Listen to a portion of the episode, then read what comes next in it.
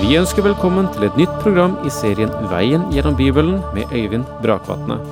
Denne studieserien er produsert av P7 Kristen Riksradio og bygger på serien Through the Bible av Vernon McGee. I dag fortsetter vi med profeten Sefanya.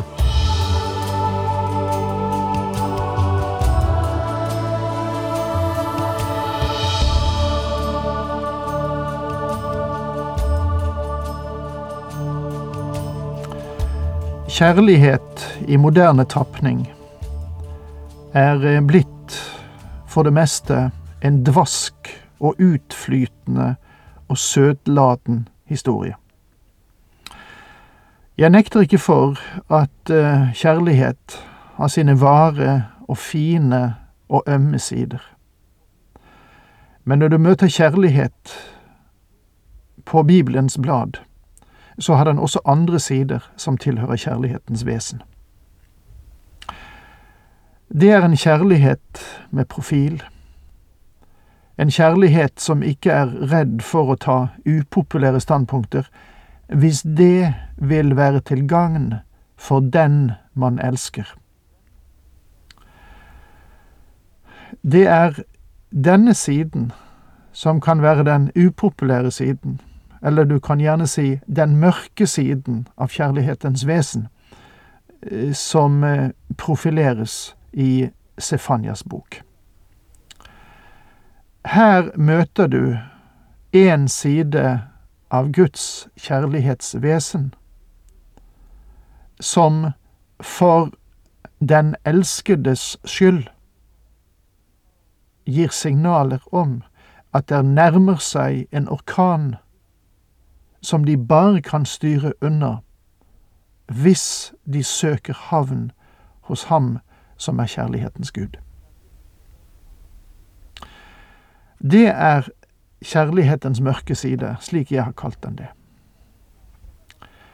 Og um, Sefanya, som er av kongelig avstamning, er ikke redd for å fortelle hva Gud har å si. Dommen nærmer seg Guds eget folk. Og dommen nærmer seg nasjoner som ligger omkring dette folk, ja, er verdensomfattende. Og når profeten står frem, så er det ikke for å dukke folk, for å gjøre dem motløse, for å ta livet av dem, men det er for å gi et klart signal om at den vei folkene følger, leder mot avgrunnen, og ikke til fred, frelse og håp. Vi er kommet til kapittel tre i Sefania-boken, og de første åtte versene følger opp kapittel to som var en dom over folkene. Domsord mot andre folkeslag enn judafolket, som Sefanya tar for seg i åpningskapitlet. Så de første åtte versene i dette kapitlet avslutter den delen som har å gjøre med dom over jorden og over folkeslagene. Og så i disse åtte versene så vender Sefanya også tilbake til judafolket og gir en sluttmelding til dem før han bryter ut i eh, fantastiske vers som har med håp og fremtid å gjøre. Vi eh, befinner oss i det første vers i kapittel tre hos profeten Sefanya, og det lyder slik Ved den trassige, urene byen som er full av vold. Dette taler om Jerusalem. Det var her tempelet fantes, prestene var her, de skriftlærde hadde Guds ord. Det var bare det at de fulgte ikke Guds ord. Og de kjente ikke og var ikke interessert i å kjenne Han som var Gudsordets kilde, nemlig Gud selv. De kjente ikke bokens forfatter, og de sto langt fra ham. Guds dom over Jerusalem utmeisles på bakgrunn av det lys de hadde. Ved den trassige, urene byen. Spørsmålet om forurensning er ikke noe nytt i dag, men den forurensning det tales om her, er ikke av fysisk karakter. Den har ingenting å gjøre med menneskets ytre forhold. Det dreier seg om menneskets innside. Og kanskje vi kan si det med en god del rett, at det som forårsaker forurensningen på utsiden i dag, er at mennesket er forurenset, trassig og urent på innsiden. Det vil si at for Guds åsyn står det ikke rett fatt til. Mennesket ruinerer i dag den jord som vi lever på, og Guds dom over Jerusalem er at den er en uren by, selv om den var den privilegerte byen, en by som hadde herlige og vidunderlige muligheter. Og dette er bildet av denne byen, men det er også et bilde generelt av menneskeslekten. Legg merke til at Paulus karakteriserer mennesket slik i Romane 3, 16. Ødeleggelse og elendighet følger i deres spor. Og du kan nesten si hvilket bilde av mennesket dette er. Den skal alltid etterlate seg skrot og uorden hvor det enn ferdes på jorden, dette mennesket. Hvorfor trekker Gud spesielt frem Jerusalem? Ja, fordi at det var en privilegert by. Denne byen hadde Guds tempel, den hadde Guds ord, og derfor vil dommen over den bli hardere enn over andre byer. Men Gud kaller ikke Jerusalem bare trassig og uren, men han kaller den også en by full av vold. Lederne hadde ikke respekt for menneskers rettigheter, spesielt de fattiges rettigheter. De tok ikke hensyn til dem. De undertrykte de fattige. Og det er eh, hyklersk av enhver regjering å tale høyt om menneskeverd, om det da ikke skal gjelde den fattige og utslåtte. Gud er ikke ferdig med sin dom. Han fortsetter med å sette fingeren på og tale klart om det som mishager ham. Den hører ikke på Herrens røst og tar ikke imot tukt.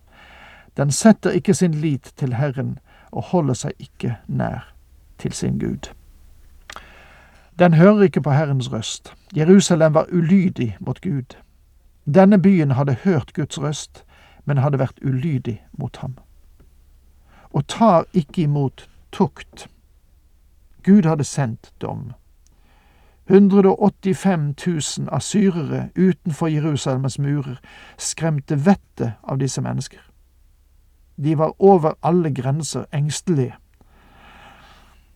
Og hvor engstelige var, det kan du lese om. Du leser Annen kongebok, kapittel 18 og vers 9, 19. De hadde delvis fått smake dommen, men Gud hadde avvent dem.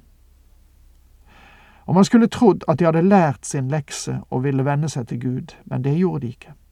På samme vis er det mange kristne i dag også som har sine vanskeligheter, men aldri lærer hvorfor Gud tillater dem. Han lar aldri noe ramme hans egne uten at det er en hensikt han har med det. Denne byen, på samme måte som mange av oss, tar ikke imot tukt. Jerusalem lærte ikke sin lekse. Den setter ikke sin lit til Herren. Byen hadde ingen tillit til Herren i hele tatt, men vendte seg andre steder for å finne trygghet. Da det moderne Israel feiret sin 20-årsdag, da var mottoet Vitenskapen vil bringe fred i landet. Min venn, Bibelen sier at Messias er fredsfyrsten, og han er den eneste som kan bringe fred. Men de stoler ikke på ham, de stoler på sin gluphet istedenfor. Etter tjueårsdagen så kom Israel sannelig ut på dypt vann. Vitenskapen brakte ingen fred til landet. og det har ingen andre gjort heller. Og holder seg ikke nær til sin Gud. I dag løper ikke mennesket til Gud. De løper fra ham så fort de kan. Så dette er altså et bilde av Jerusalem. Byens høvdinger er som brølende løver, dens dommere som steppeulver. De sparer ingenting til det blir morgen.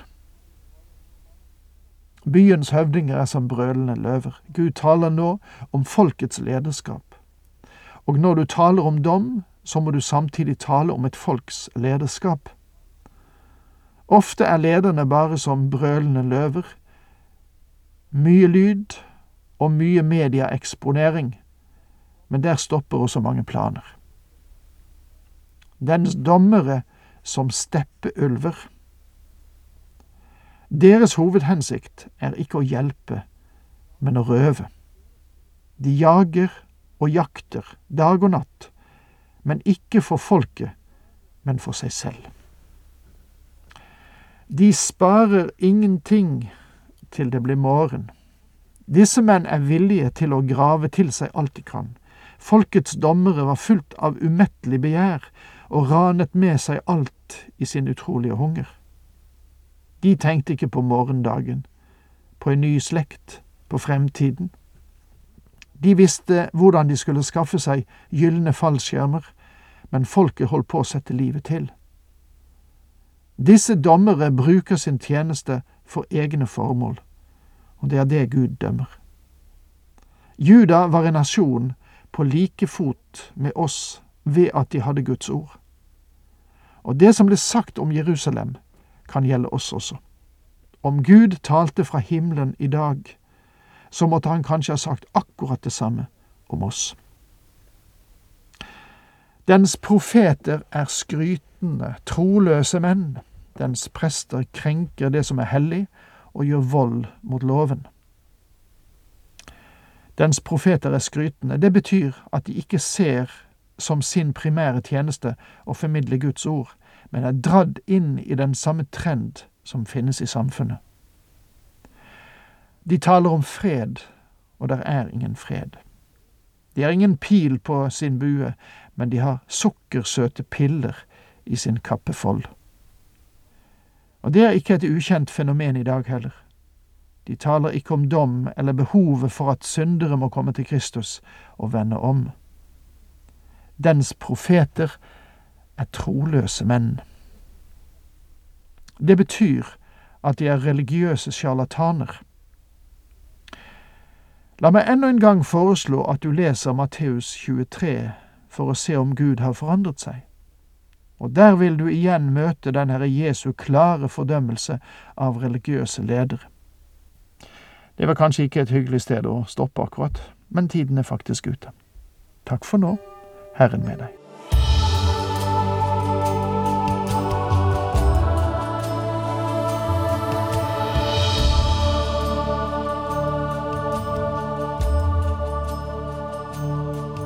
Du hørte Øyvind Brakvatne i studieserien Veien gjennom Bibelen. Serien bygger på et manus av Vern McGee.